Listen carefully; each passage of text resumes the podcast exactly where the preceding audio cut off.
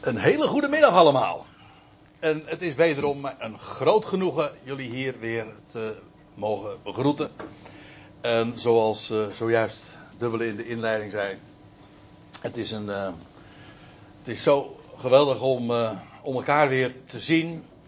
En na zoveel maanden, weliswaar is dit inmiddels de tweede keer, maar na zoveel maanden verstoken te zijn van zoveel contacten en banden. En het is met opzet dat ik het zo formuleer. Want daar komen we straks ook nog even over te spreken. Maar dat we elkaar dan weer kunnen begroeten. En dat we elkaar kunnen aanmoedigen. En kunnen wijzen op de rijkdom van het woord.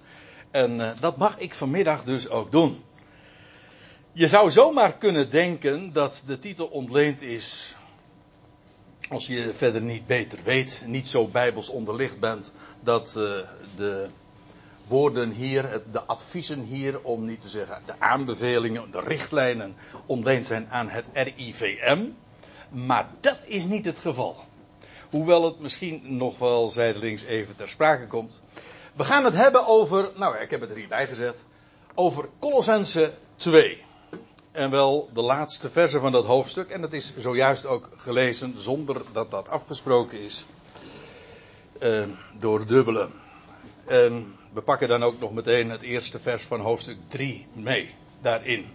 Nou, laten we eerst eventjes ons oriënteren en kijken waar hebben we het over. In de eerste plaats dus even de vraag, uh, wie is de schrijver, van waar uh, en waar moeten we dit in de tijd plaatsen. Nou, Paulus is degene die deze brief ooit schreef. Pakweg uh, 2000 jaar geleden, wat zeg ik, 1960 jaar geleden zo ongeveer. Vanuit de gevangenis, ergens in begin jaren 60 van onze jaartelling. Vanuit de gevangenis in Rome. En hij wijst ook diverse keren in deze brief op zijn gevangenschap. Zoals hij dat trouwens ook doet in, uh, in de Efezebrief, met name ook. Trouwens, hij heeft heel wat keren gevangen gezeten heeft ook ooit een keer twee jaar gevangen gezeten in Caesarea, al veel eerder. En twee jaar in Rome. En later waarschijnlijk nog een keer. Maar goed, deze brief is dus in die tijd, aan het einde van het handelingen tijdvak, uh, geschreven. Aan een ecclesia, een gemeente, zo u wilt, in het toenmalige Kolos. Ik zeg toenmalig, omdat de plaats nu niet meer bestaat. Behalve dan dat het gewoon een, uh, ja, ik geloof ook nooit dat het archeologisch echt is onderzocht. Maar in ieder geval, het was toen de tijd een, een, eh, een stadje. Hier op de landkaart ziet u het hier. Uh, en het uh, ligt, zoals ik dat hier ook aangeef, 200 kilometer ten oosten van de havenstad Efeze. En in de directe omgeving van Colosse had je nog twee andere plaatsen. En die worden beide ook genoemd in, de, in deze brief. Aan het einde namelijk. In Colossense 4 vers 13. Namelijk Laodicea. Die we eigenlijk vooral kennen van het boek De Openbaring. En Hierapolis. En dat was allemaal in de nabije omgeving. Zelfs uh, pakken weg een kilometer of tien daarvan verwijderd. En Paulus schrijft ook aan het einde van de brief van nou als nou de als deze brief dan hier uh, gelezen is, voorgelezen is in Colosse, dat die ook zou worden voorgelezen in Laodicea en die van Laodicea in uh, Colosse. En er is zelfs ook gesuggereerd, en er zijn goede redenen om aan te nemen, dat wat wij de Efezebrief noemen, in werkelijkheid geen Efezebrief is, eigenaardig is in de oorspronkelijke grondtekst, is dat het woord wat nu juist dubieus is, maar dat de Efezebrief eigenlijk de brief van Laodicea is.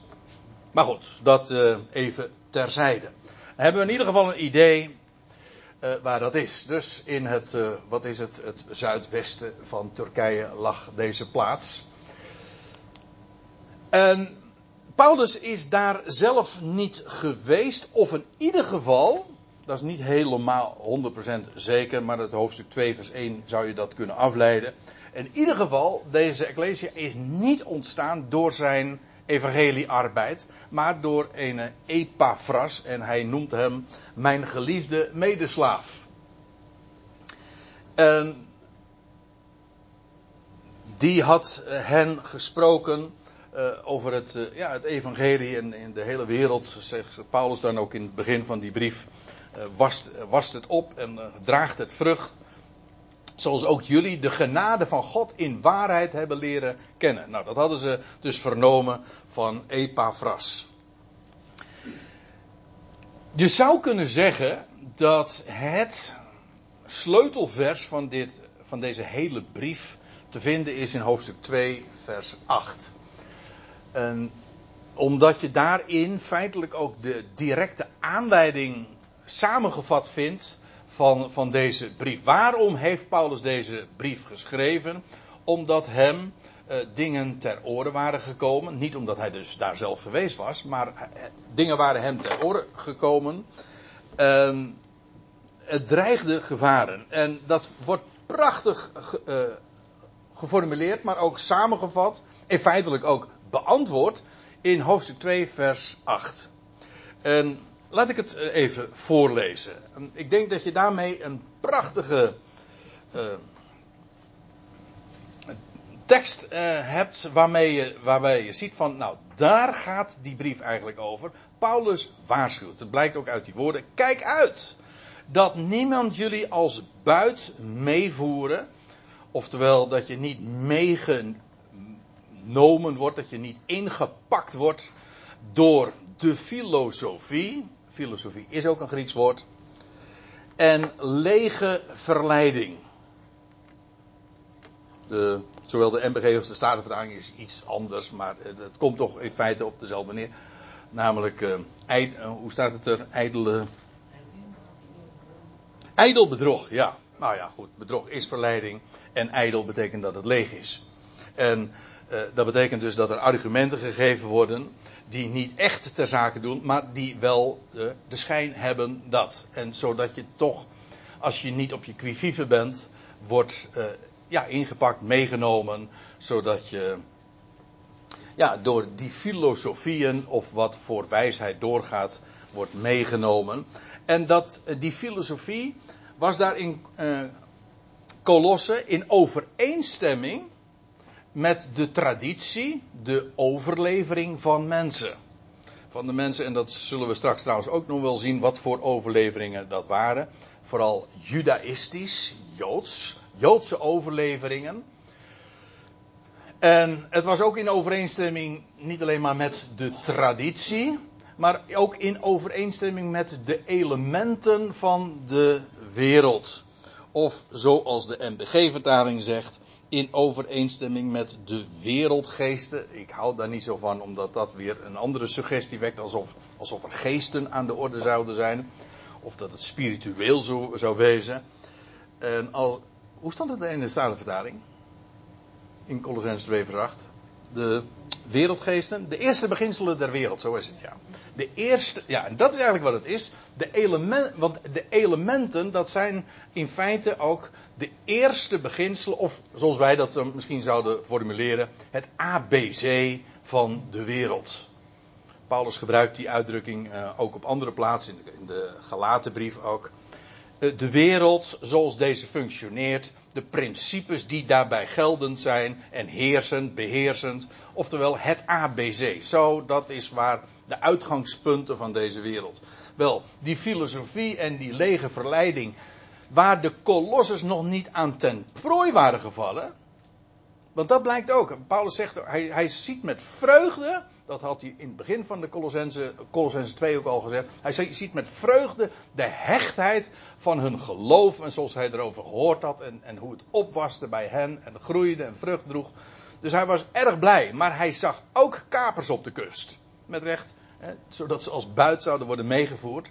En eh, vandaar ook dat hij ze waarschuwt voor filosofieën maar ook lege verleiding. En dat dan allemaal wel conform de traditie is van mensen en conform de principes van deze wereld. Maar, en dat is feitelijk ook het antwoord, niet en niet overeenkomstig Christus. Dat is het verhaal. En feitelijk is uh, hiermee aangegeven wat uh, aan al die uh, filosofie niet deugt maar daarmee ook geformuleerd wat het antwoord is op die lege verleiding. En wat Paulus feitelijk ook doet in, in deze uh, hoofdstukken is Als je dat trouwens nog even door zou lezen, ik heb dat nu niet in, op, de, op het scherm, kan ik dat projecteren, maar in vers 9 dat, dat wij, voleind, wij als gelovigen voleindigd zijn in Hem. Dat we zeggen, we zijn compleet in Hem. En de gedachte daar in Colosse was, en dat is, dat is trouwens een typisch voorbeeld van verleiding, is, was niet dat ze van Christus direct afvoerden.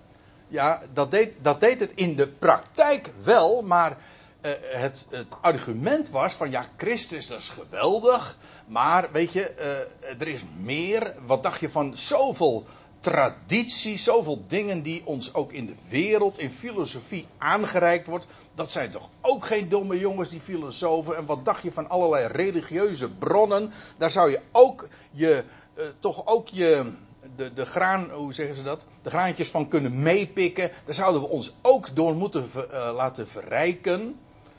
En zodat men niet zozeer zei van, ja, Christus, uh, dat is niet goed. Nee, helemaal niet. Ze zeiden van, het is geweldig, maar dat is, er is meer. Nee, zegt Paulus, er is niet meer, want je bent compleet in Hem. Dus het loutere idee dat je niet, dat je aanvulling in je geloof zou moeten vinden in filosofieën, want ja, goh, uh, daar is toch ook zoveel in te vinden, of in tradities van mensen. Het is misleiding, want je bent namelijk compleet in Hem. Nou, laat ik het dan maar gewoon maar voorlezen. En niet met Christus, want in Hem woont al de volheid van de Godheid lichamelijk. En laat ik dan nog even doorlezen. En jullie hebben de volheid verkregen in Hem. Jullie zijn compleet in Hem. En alles van God woont in Hem. Dus hoezo daarbuiten nog uh, verrijking zoeken? Dat is, dat is dwaas. De volheid is in hem en dus alles wat daarbuiten is, is per definitie leeg. Lege verleiding. Nou, dat eventjes uh, ter introductie, want als ik dan in vers 15 begin, dan, is dat, dan heeft Paulus natuurlijk al een hele aanloop gemaakt. Er is al heel wat aan vooraf gegaan. Dus ik vind dat je dat toch even moet introduceren. Uh, hebben we dus een idee van de schrijver, de tijdspan, of de tijdstip waar dit geschreven is, de aanleiding, waar, aan wie het geschreven is. Nou, laten we dan, dan hier in vers 15 de draad oppakken. En dan staat er hij, en die hij dat is hier uh, Christus. Dat blijkt straks nog wel duidelijker. En als je even terugleest, dan is het ook volstrekt helder. En als ik zeg, neem me niet kwalijk, als ik zeg Christus, dan hebben we het over hem die uit de doden is opgewekt. Zoals dat in vers 12 ook was gezegd. We hebben het over degene die uh, getriomfeerd heeft. Niet, degene, niet alleen maar degene die hier op aarde leefde en die stierf aan een kruis. Nee, degene die op, vervolgens op de derde dag het graf leeg achterliet en triomfeerde. En hij kleedt de overheden en de autoriteiten uit de overheden, de autoriteiten. Uh, er staat in de NBG-vertaling uh, uh, ontwapenen. Letterlijk staat er het woordje afstropen of uitkleden. Maar goed, dat hangt er vanaf. Als je een soldaat uitkleedt, dan ontwapen je je ook natuurlijk. Hè. Zodat de twee betekenissen toch wel in een zeker verband dicht bij elkaar liggen. Hij kleedt de overheden en hij zet, ze, hij zet ze in hun hemd of in hun blootje, of in ieder geval, uh, hij laat er uh, de overheden en de autoriteiten, hij staat daar boven. Hoezo dan wel? Wel, hij stelt hen in vrijmoedigheid tentoon. Daarin, in, in dat tentoonstellen, dan triomfeert hij over hen. En waar het een over gaat, en nou kom ik uh, terug op wat ik zojuist al even zei. Het gaat hier over de opgewekte Christus. En dat is zo helder. Want als er ooit een moment is geweest dat Christus de, autoriteit, de overheden en machten en volmachten uitkleden en ontwapende, dan was het wel op dit moment, en dit is eigenlijk helemaal een mooi symbool, want dat is bij, namelijk bij de, de weggerolde steen. De weggerolde steen, toen ook de verzegeling van het graf werd gebroken. Dat, is, dat was echt het uitkleden van de overheden en de machten. Ga maar naar. De, de Caesar, de keizer, die had de, het, uh, het graf laten verze eerst laten, nou die zware steen voor het graf, vervolgens een Romeinse wacht bij het graf gezet en ook nog uh, een uh, keizerlijk verzegeld, zodat het graf absoluut niet geopend kon worden. Op straffen van de dood. Ik vind dat, als ik het zo zeg, begin ik al te lachen. Want dit is komisch. Op straffen van de dood zou het graf geopend worden. Wat het geweldige is wat er gebeurde op de derde dag. Toen werden de overheden en de autoriteiten echt ontwapend. Ja, inderdaad, de Romeinse wacht die, die vluchtte weg. En de steen werd weggerold. Oftewel, eh, de verzegeling werd verbroken. Maar in opstraffen van de dood. Ik zal het eens anders vertellen. Toen werd de dood overwonnen. Eens voor altijd. Daar stond de eersteling op uit het graf. En inderdaad, de dood werd daar ook ontwapend. Het is al een geweldig embleem natuurlijk van de vrijmoedigheid waarmee de, de hoogste autoriteit op aarde. Maar als u uh, er behoefte aan hebt om ook de, de, de overheden en machten daarachter ook nog erbij te betrekken. Waar alle reden trouwens voor is. Want je leest ook al van dat als de, de oversten van deze Aion, en dan gaat het ook inderdaad over de Satan, dat, maar dat is dan de Korinthebrief, als ze geweten hadden van de wijsheid Gods, hadden ze de Heer der Heerlijkheid niet gekruisigd. Want hier werden ze in hun hempie gezet.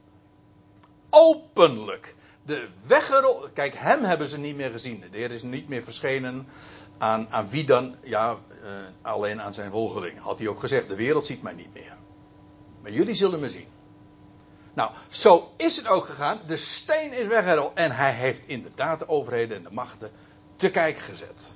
En dat, is, dat wordt uitgebeeld, uitgedrukt in die weggerolde steen. Nou, als dat nou de, de, de waarheid is. De grote overwinnaar over de dood. Jezus Christus. Hij is de triomfator en hij staat daarmee dus ook boven alle overheid en macht. ik doe geen eens moeite nu om dat voor de rest nog uit deze brief en de andere brieven uh, te be bevestiging in te vinden, want dat, dat, staat op alle plaatsen, op zoveel plaatsen. Boven alle overheid en macht. En dat is ook zelfs heel zichtbaar uh, hier op aarde in Jeruzalem is dat uh, gedemonstreerd in vrijmoedigheid. Een lange neus getrokken naar alles wat maar autoriteit en macht claimt. Hij staat daarboven. Nou, als dat dan zo is uh, en wij zijn verbonden met Hem en we worden gerekend met Hem en we staan en we zijn geplaatst in Hem. Als dat de waarheid is, laat dan niemand jullie oordelen in eten en drinken of op het stuk van een feestdag, een nieuwe maan of sabbatten. Dit zijn allemaal elementen uit uh, de Torah, uh, zou je aan de ene kant kunnen zeggen, maar je zou ook kunnen zeggen uit het Judaïsme.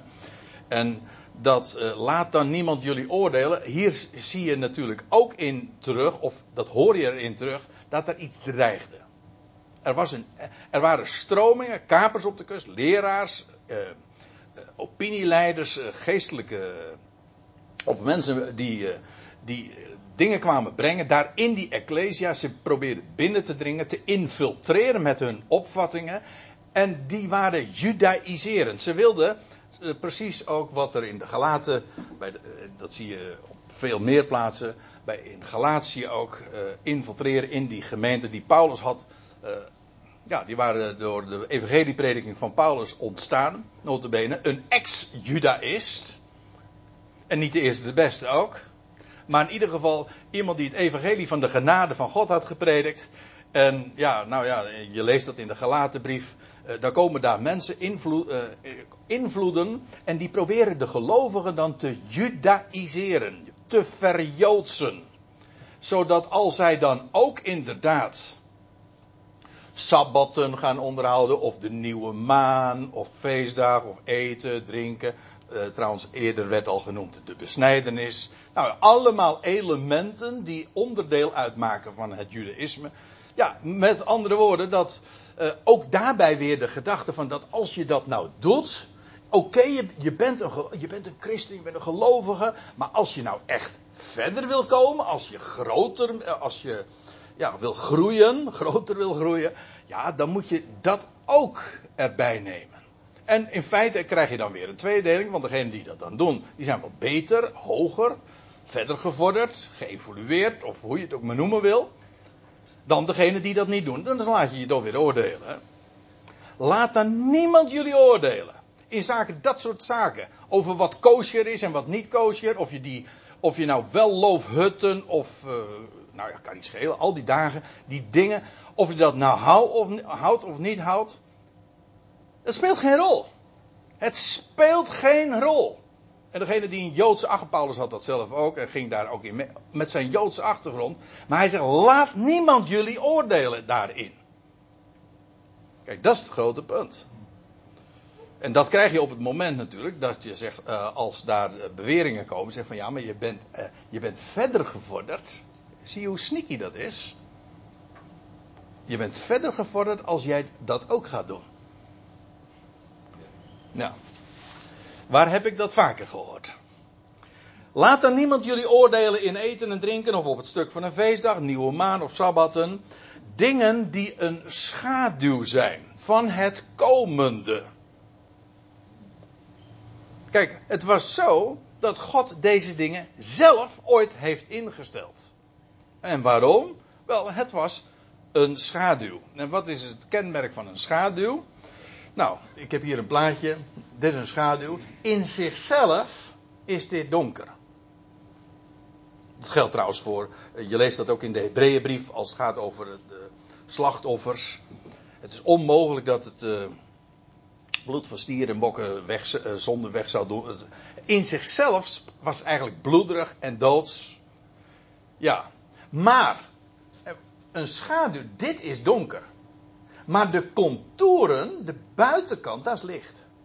En dat is precies wat de functie ook is van al die dingen die hier dus genoemd worden. Van eten en drinken, het stuk van de feestdag, nieuwe maan of sabbat. Daar gaat een geweldige sprake van uit. Want het wijst op hem die zou komen, maar ik, het gaat nog verder. Het wijst op alles wat zou komen en in Gods plan in feite al is uitgebeeld. In rituelen, in data ook. En in, nou ja, in alles.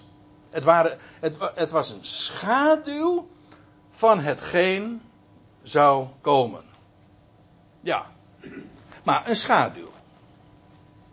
In zichzelf duister, getuigde van hem en van eh, alles wat zou komen. Maar, staat er, het lichaam is van de Christus. Als u een MBG-vertaling hebt, ik heb hem hieronder staan ook. En daar staat helaas wegvertaald, dat woord lichaam. Maar de, daar de MBG heeft het weergegeven met uh, terwijl de werkelijkheid van Christus is. Dat is een hele aardige uitleg. Waar ik trouwens niet eens bezwaar op zich tegen heb. Inderdaad, die wet en al die dingen van de, van de, van de sabbatten en eten en drinken, dat is allemaal een schaduw. En de werkelijkheid is Christus. Waar? Dat klopt. Maar het staat er niet. Het staat er anders. Er staat, het lichaam, echter, het lichaam is van de Christus. En dus in de MBG-vertaling is het lichaam, het lichaam van Christus verdwenen. Wat het aangeeft, is uh, dat die, uh, er is sprake van schaduwen. En dus ook van voorafschaduwing.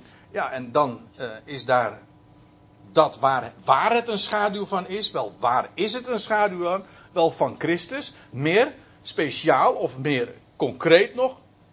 Of uitgebreider. Het lichaam is van de Christus. Nou zou je kunnen denken van, nou dat is het fysieke lichaam dat uit de doden is opgestaan, van Jezus Christus. Dat is één uitleg, dat kan. Maar, ik moet erbij zeggen, kijk maar eens een keertje in de Colossensebrief hoe Paulus het woord lichaam van Christus meestal gebruikt. Dan heeft hij toch echt over de Ecclesia. Vers, uh, hoofdstuk 1, vers 18. Hij is het hoofd van het lichaam, de Ecclesia. Hij is het begin, de eerstgeborene uit de doden. Nou ja, enzovoort. dus uh, ja, wat het eigenlijk uh, ook aangeeft, is dat het lichaam van Christus al uh, is uitgebeeld. Ik weet dat, ik, dat sommige mensen daar moeite mee hebben. Maar dat alles wat in Christus te vinden is, ook de verborgenheid te vinden is in het Oude Testament. U zegt, ja, maar daar was het toch verborgen? Ja, precies, het was verborgen. En dus is het erin te vinden. Maar verborgen.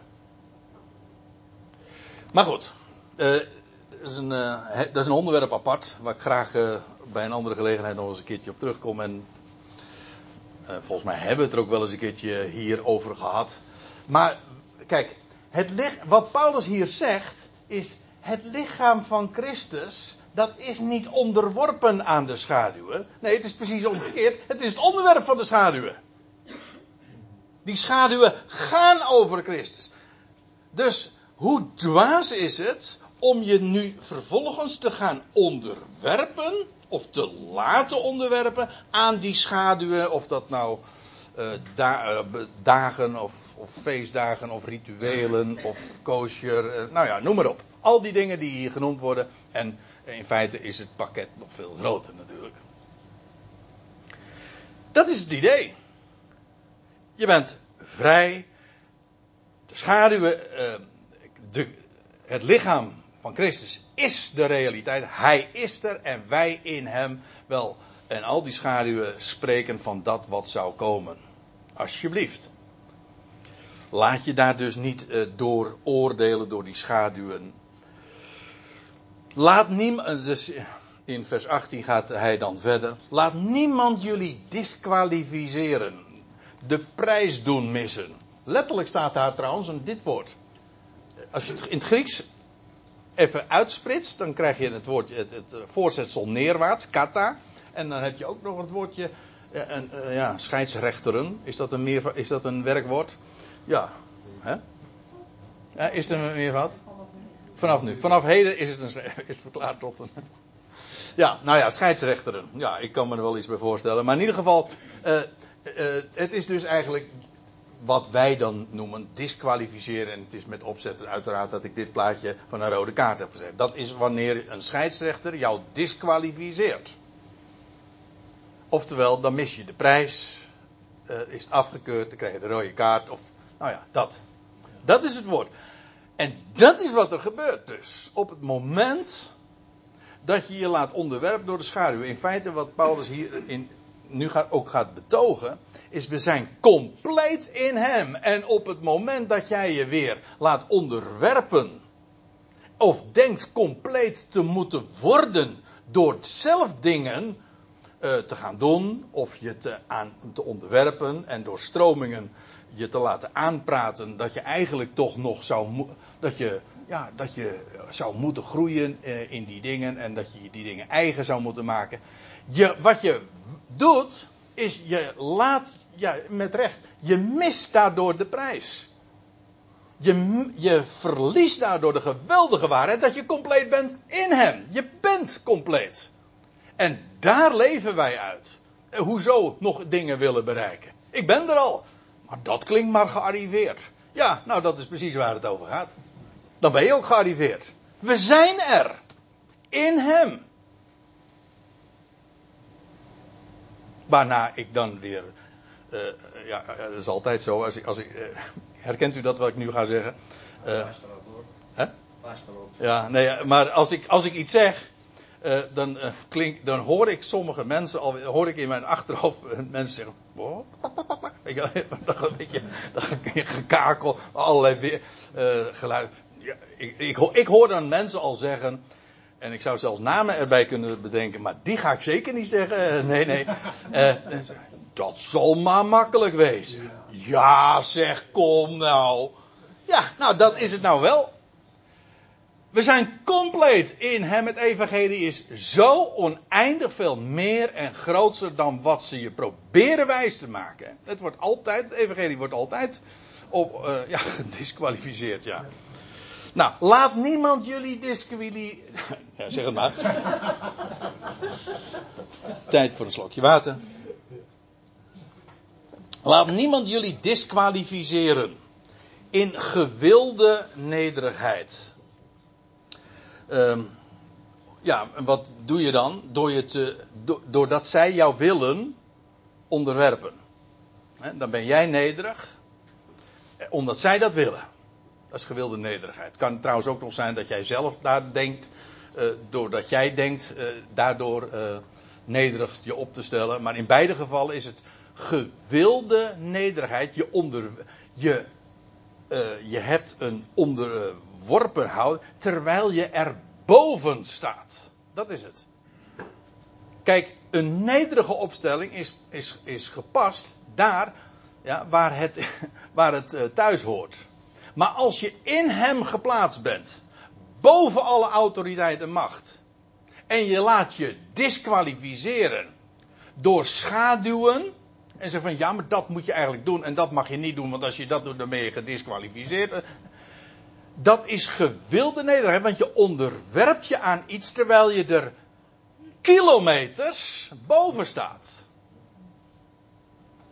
Geen anderhalve meter, nog veel meer dan dat. En die gewilde nederigheid, en eh, moet eens opletten.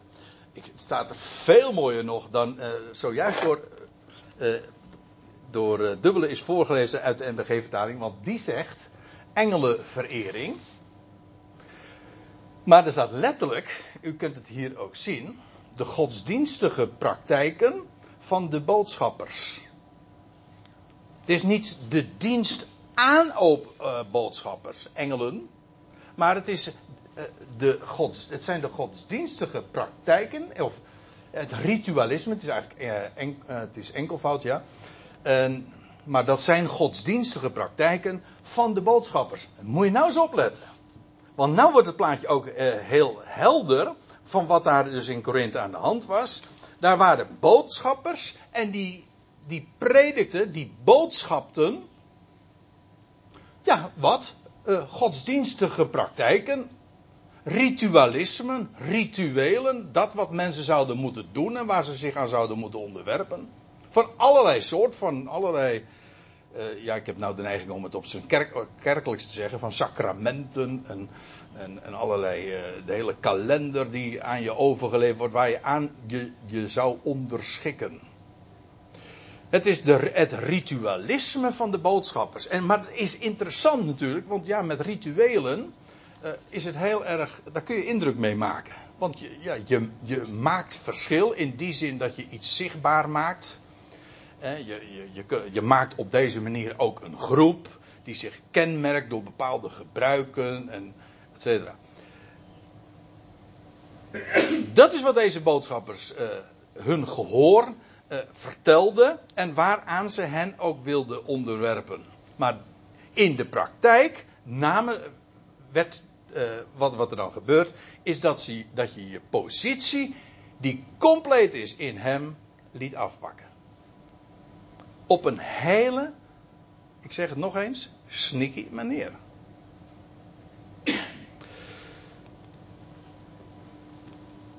En ik, uh, ik had het net over judaïseren. En dat judaïseren, dus dat, dat, werkwoord komt trouwens in Galatenbrief ook voor. Uh, verjoodsen, joods willen maken. Ook dat is trouwens vandaag ook weer een hele uh, een populaire stroming. Maar uh, je kan ook zeggen christianiseren.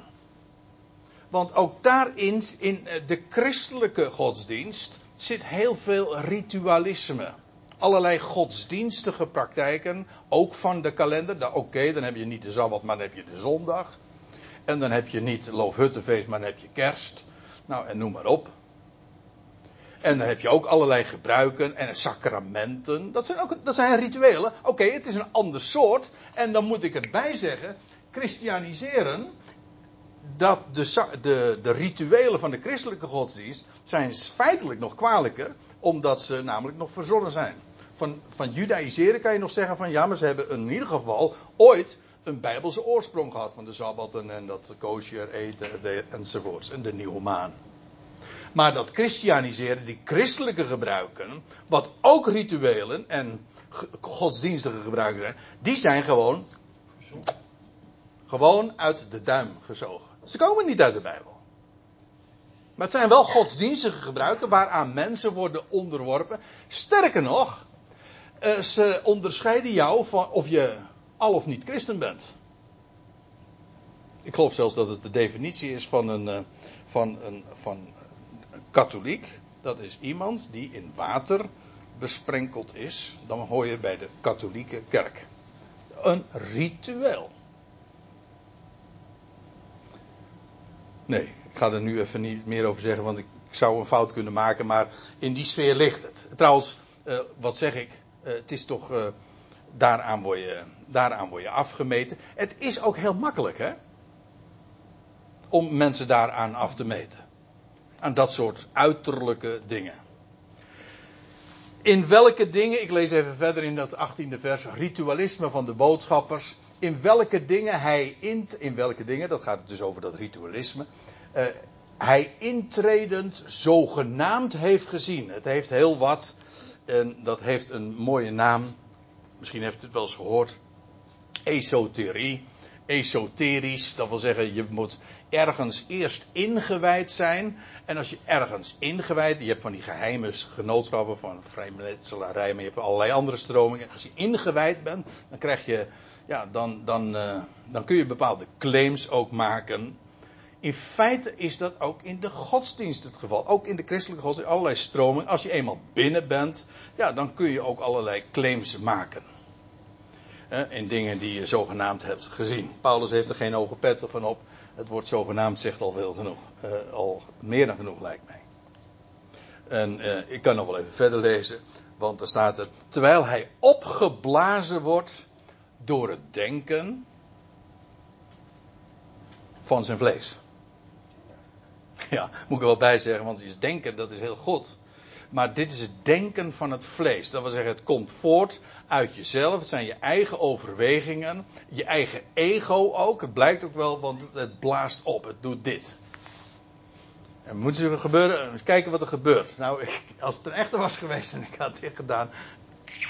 Blijft er niks van. Het heeft wel volume, maar het heeft geen gewicht. Het is namelijk niks. Het lijkt wat. Het maakt allemaal mooie kleurtjes en dergelijke. Maar het is opgeblazen. En dat is waar Paulus het over heeft. Al die rituelen, alles wat uh, tradities van mensen, uh, het ritueel, rituelen van boodschappers, en dat wat verteld wordt, waardoor ze jouw denken compleet te maken, maar in werkelijkheid blazen ze zichzelf op en het vlees op en dat wat de mens doet en wat, ze, wat zij tot stand hebben gebracht. En je kunt er een heel instituut van maken en indruk mee maken en dingen zichtbaar mee maken. Uh, maar het is, uh, ja, lucht, lucht, niks. En het demonstreert slechts wat uh, het vlees voortbrengt. En dan zie je dat dan ook in vers 9. En zich niet houdt aan het hoofd. Want dat is wat het gebeurt. Want in het hoofd zijn wij namelijk compleet. Het hoofd is uiteraard Christus. Hè? Hij is het hoofd van de Ecclesia. Wel, in hem zijn wij compleet. En op het moment dat uh, jou verteld wordt dat je aanvulling elders zou moeten vinden in filosofieën en stromingen en dingen waar je aan zou moeten onderwerpen, nou, dan hou je dus niet aan het hoofd. Want, want als je dat namelijk zou gedaan hebben, dan, dan zou je weten en staan op het fundament: ik ben compleet.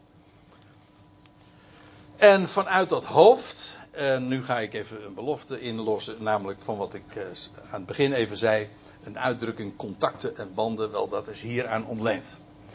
Aan vers 19. Het hoofd, is, het zijn zijn echte Pauluszinnen, want er, zit, uh, er zitten weinig punten in de zin. Dus het is eigenlijk één lange zin met tussenzin enzovoort.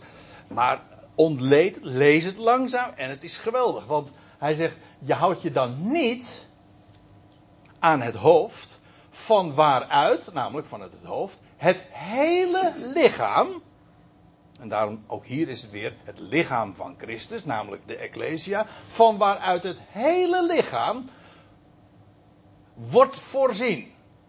Dus wie voorziet het, wie voorziet het hele lichaam? Wel, dat doet het hoofd. Christus. Boven. En hij voorziet het hele lichaam. En hoe doet hij dat? Vind ik geweldig. En dat is de grote waarde ook van ja, elkaar zien, elkaar uh, ontmoeten, elkaar een hart onder de riem steken, elkaar wijzen op de rijkdom van het woord. Dat staat hier prachtig geformuleerd. Door contacten en banden. Helaas wordt het in de uh, NBG-vertaling weergegeven met pezen en banden en dan wordt het een beetje uh, wazig. Maar het woord, ik zal het u uitleggen. Het woord namelijk voor contact, wat hier staat. Als ik het, laat ik het dan eerst even dit zeggen. Als, als hier staat, het hele lichaam wordt voorzien, namelijk door het hoofd. En hoe dan wel? Door contacten en banden. Is het in één keer volstrekt helder. Maar ik wil, ik wil wel even de, de, de bonnetjes erbij leveren. Want eh, dat woordje contacten, dat is meervoud voor HV. En dat is dan weer afgeleid van dit woord, haptomai. Maar dat kennen we. Namelijk haptonomie. Eh? Dat, en maar hapto, dat heeft te maken met aanraken. Contact. Nou, ik weet niet waar jij, jouw gedachten nou weer naartoe gaan. maar inderdaad, knuffelen is ook een vorm van contact, ja. Maar contact hoeft niet altijd knuffelen te zijn. Goed, uh, maar dat is wat het woord is. Het is gewoon, je, kijk, wij zeggen dat ook. als we contact hebben met elkaar, dan kom je met elkaar in aanraking. Ik geef toe, dat kan zelfs via, dat kan zelfs online en dan kun je Skype. Eh, ik, heb, ik, heb, ik heb nog telefonisch contact gehad, dan heb je ook contact. Maar ik moet er altijd bij zeggen, ik ben een groot fan van internet enzovoort. Ik vind het een geweldig medium. Maar het is toch, uh, als het gaat in sfeer, in de termen van uh, menselijke communicatie, vind ik het altijd maar behelpen. He, dan is dit het echte werk. Weet je, dat je elkaar, nou ik bedoel nog niet eens dat ik nu eenzijdig tot u spreek, of tot jullie spreek, maar gewoon dat elkaar ontmoeten. En inderdaad, niet op anderhalve meter, maar gewoon. Hè? Ja, ik bedoel, dat, uh, dat is echt het contact. Elkaar zien, elkaar begroeten. En dat uh, kan dan door knuffelen, de broederkus, hè? Ge ge geeft elkaar de broederkus. Uh, nou ja, u begrijpt wat ik bedoel. Door contact, elkaar te ontmoeten. Ik weet één ding zeker, Paulus dacht in ieder geval bij dit woord niet aan internet. Nee. nee, dat ben ik tamelijk zeker van. Het hele lichaam wordt door contacten voorzien. Geweldig hè? Het, het hoofd kan dat direct jouw dingen laten zien. En eh, natuurlijk, dat weet ik. Dat staat niet ter discussie. Maar het lichaam, de ecclesia, als we. Ecclesia is ook een vergadering. Hè? Als we bij elkaar zijn, hoe worden we dan voorzien? Wel door contacten. Door, door dat wat ik u te vertellen heb en wat u mij te vertellen hebt. En zo, dat is weder, wederkerig. Dat is trouwens ook zo in het lichaam. Maar het hoofd regelt dat allemaal centraal. Dat heel het lichaam wordt voorzien. Is al een compleet godswonder. Maar alles wordt voorzien en niets is daarbij uh, overbodig. Doet me denken aan een liedje van Ellie en Rickert. Maar we hebben allemaal wat. Uh, niemand is overbodig. Nou, dat. En je voorziet elkaar. En daarom kun je je daar ook niet van afsluiten. Dat, dat, is. Het geweldige is, het, het hoofd uh, brengt ons ook met elkaar in contact. En zo, worden, zo wordt ja, jij, uh, zo word jij voorzien, maar ik ook. Namelijk door elkaar, door dat met elkaar spreken, elkaar bemoedigen en, enzovoorts. En banden. Dat is een ander woord letterlijk staat hier samenbindingen. Oftewel, dat zijn middelen die dienen voor het verband. En inderdaad, in het lichaam is daar een speciaal ding. Uh, daar heb je pezen en heb je kruisbanden en wat voor dingen heb je allemaal nog meer. Die zorgt dat gewrichten ook bij elkaar blijven en spieren bij elkaar blijven en hoe dat verder ook maar functioneert. Maar in ieder geval door banden samengebonden te worden. En in, en in allerlei, ja, leuk in allerlei verbanden hebben wij contacten met elkaar. En zo voorziet het hoofd ons ja, van voedsel. want er staat, wordt voorzien. Ja, hoe voor, waar voorziet uh, het hoofd ons van? En elk onderdeel van het lichaam? Wel, in feite van voedsel. En waar heb je voedsel voor nodig? Nou, uiteindelijk door kracht daardoor te krijgen. Om, om energie te ontvangen. En dan kom je toch uiteindelijk weer bij het woord terecht. Het enige wat echt voedzaam is, dat is, ja, dat uh, het ware voedsel, of je dat nou e over eten of over drinken hebt, dat is het woord. En dat geeft kracht, dat geeft energie. En dat krijgen we ook via. Oké, dat kan rechtstreeks zijn, inderdaad, doordat je zelf de schriften uh, je eigen maakt. Maar het, is, uh, het geweldige is dat je ook dat met elkaar beleeft door contacten en banden. En inderdaad, het wordt allemaal vanuit het hoofd geregeld. En zo ook verenigd wordend, in, uh, groeiend in de groei van God. Wat een wat vreemde term is natuurlijk, want dat zou suggereren de groei van God. God groeit of niet? Nee, het is de groei die we van Gods wegen krijgen, uiteraard. En uh, verenigd, ja, verenigd. Kijk, hoe worden wij verenigd? Doordat wij contacten en banden hebben en doordat het hoofd ons op die wijze voorziet van het hoofd. En dan is het zijn woord dat ons samenbindt en met elkaar in contact brengt. Waarom kom je bij elkaar? Ja, om elkaar te zien. Maar waarom is dat zo belangrijk? Gewoon om elkaar te wijzen op hem, op het hoofd en, en op, wat hij, op wat er in hem te vinden is. En alle schatten van rijkdom en kennis trouwens, dat is ook, dat is Colossense 1. Nee, 2, vers 3. Nou ja, in ieder geval Colossense brief. Uh, dat, dat is echt voedsel. En dat, dat, ja, dat is hoop, dat is vreugde, dat, daardoor word je ook opgebouwd in de zin van, je wordt er wijzer van. Zo, zoveel meer. En, maar verenigd, zo word je verenigd, daarin vind je de eenheid. Maar let op, dat is niet organisatorisch. Wij kennen die term ook wel van vereniging. Zelfs een, in feite een bepaalde, uh, hoe zeg je dat? Uh, een wettelijke definitie van een vereniging. Je hebt stichtingen enzovoort. Nee, maar het gaat hier niet over een organisatorische vereniging of een instituut. Het is organisch. Het is het hoofd dat het lichaam voorziet. Dat, en wie doet dat? Ja, dus, je komt bij elkaar en het hoofd regelt dat allemaal. Geweldig toch? Om je, om je daaraan over uh, te geven. En natuurlijk, uh, en dan heb je weer de rituelen, het ritualisme van de boodschappers. Of in ieder geval heb je boodschappers die dat graag allemaal in eigen beheer, een eigen instituut, eigen kenmerken, een eigen leer, weet ik wat allemaal.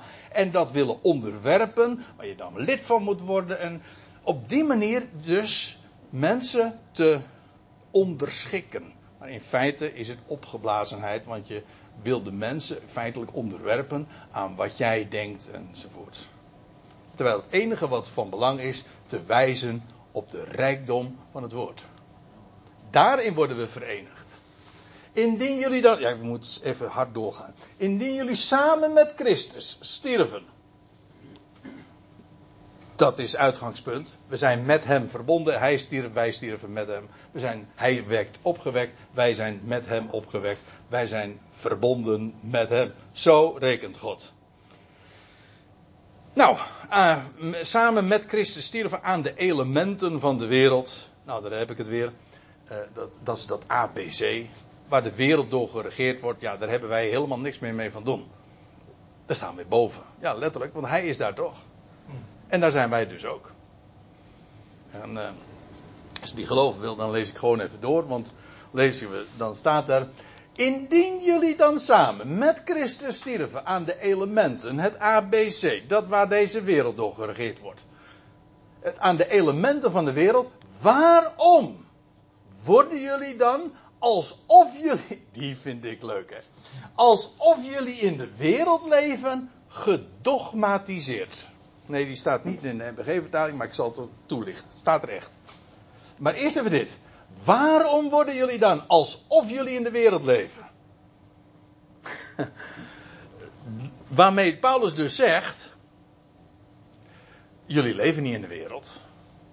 Nee, dat lijkt maar zo. Uh, dit, is, dat, dit is eigenlijk alleen maar voor spek en bonen. Want ons leven is verborgen met Christus in God. Dat is daar. Als je niet geloven wilt, dan kijk je dat even na in hoofdstuk 3, vers 3. Dus daar staat het letterlijk zo. Uw leven is met Christus verborgen in Christus, uh, met Christus in God. Daar is het. Daar is ons leven. En dat wat we hier zien, ja, wij, daarom bedenken we ook de dingen die boven zijn. Daar is namelijk ons leven. En niet hier. En waar, maar als dat zo is, hè, als, als God ons zo volmaakt rekent, daar zijn wij, daar ligt ook onze toekomst. Uh, Oké, naar het lichaam is dat dan nog niet zo, maar God ziet dat al zo. En straks gaan wij dat ook allemaal echt beleven. En nou, eigenlijk de ontdekking, eigenlijk de, de truc, als ik het zo oneerbiedig mag zeggen, van het leven is, voor ons als gelovigen is, dat we nu al zo gaan leven als dat God ons nu al ziet. En dat wij ook zo gaan rekenen. Maar waarom worden jullie dan alsof, alsof jullie in de wereld leven, daar zitten we dus niet, gedogmatiseerd? Ja, nou, eh, dit woord gedogmatiseerd, dat is een werkwoord. Uh, dat is het in het Grieks staat hier namelijk het woordje dogma. Dogma. En wat is een dogma? Wij denken bij dogma's aan een leerstuk. Een kerkelijk dogma, dat is een kerkelijk leerstuk. Maar dat is niet de gedachte zozeer. Een, een dogma is niet een, kerkelijk, is niet een leerstuk. Een, een dogma is een besluit. Een officieel besluit.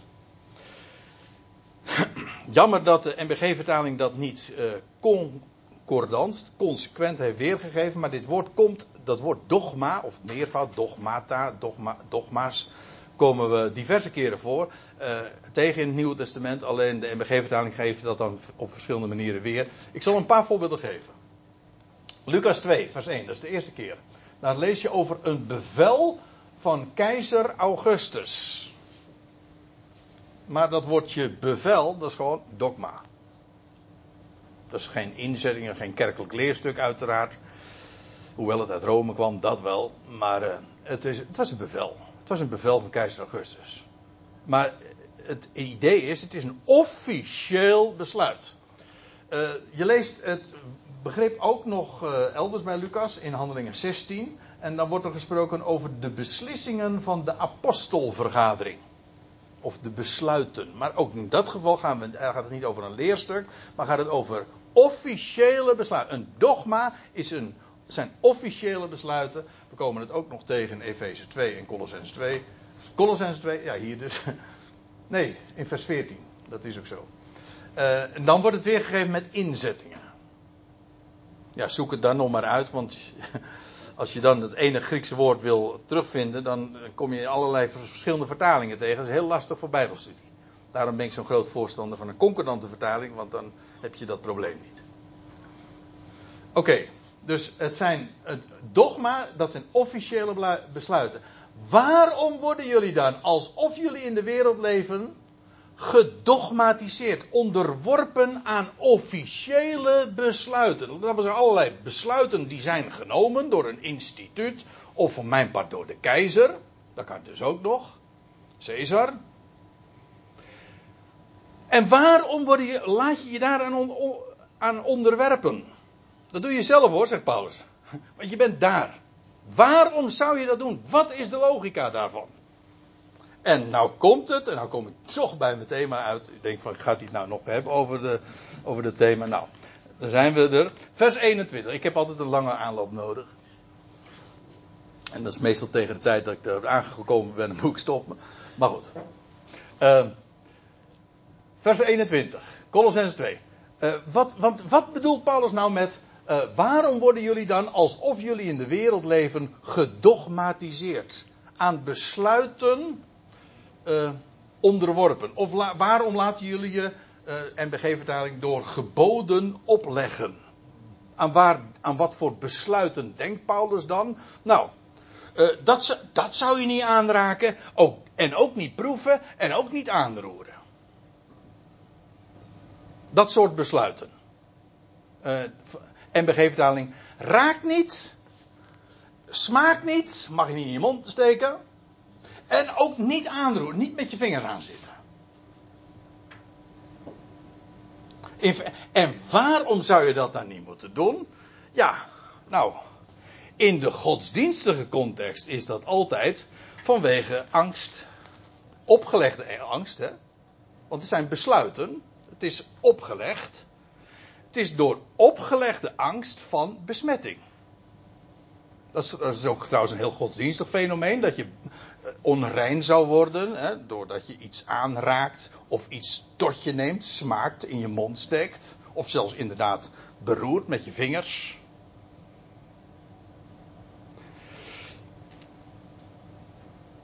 Dat kunnen besluiten zijn van godsdienstige aard.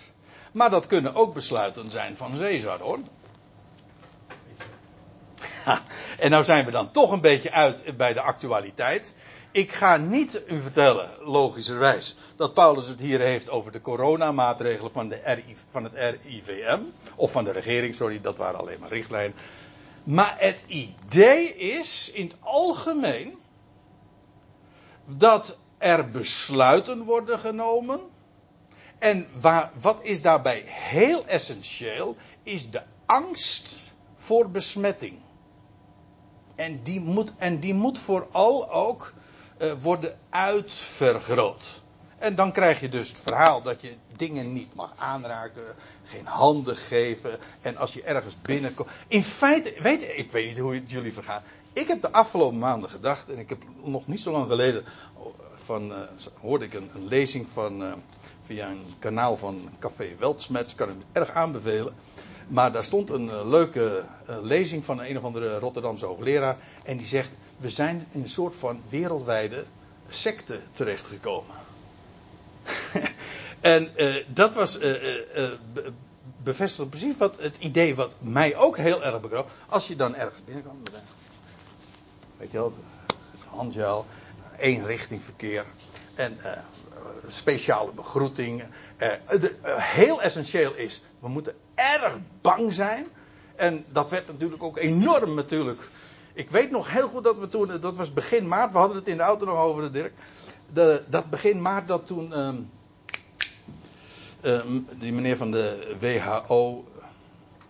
Het, Ted, Ted, Ted, Ted, Ted, Ted. Hè? Nee, nee, nee. nee uh, Ted, Ted, Ted, Ted, nog wat. Nog wat. Nou, ik kom even niet op zijn naam. Tedros, Tedros, ja, zo was hij. Tedros, het hoofd van de WHO. Ik dacht van, wie was het ook weer? Who was that? Ja, de WHO. Uh, en die zei dan, ja, uh, er komt een virus aan. En ik, ik bedoel het niet eens te kwalijk te nemen, dat gaat het me niet om. Maar ja, er zouden uh, 4 punt, nee, 3,4 procent van de bevolking zou mogelijk gaan sterven binnen nu en een paar maanden. Dat zou in Nederlandse termen zou dat er een half miljoen, ruim een half miljoen doden zijn. De paniek sloeg erin. En ja, en dan is het ook heel makkelijk om mensen mee te krijgen om, om maatregelen.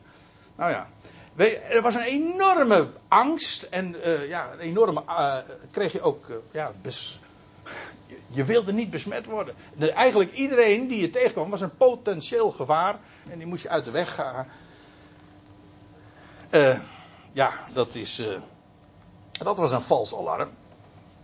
Dat, uh, het is allemaal veel, veel minder dan dat men toen zei. met factor 100 zelfs minder.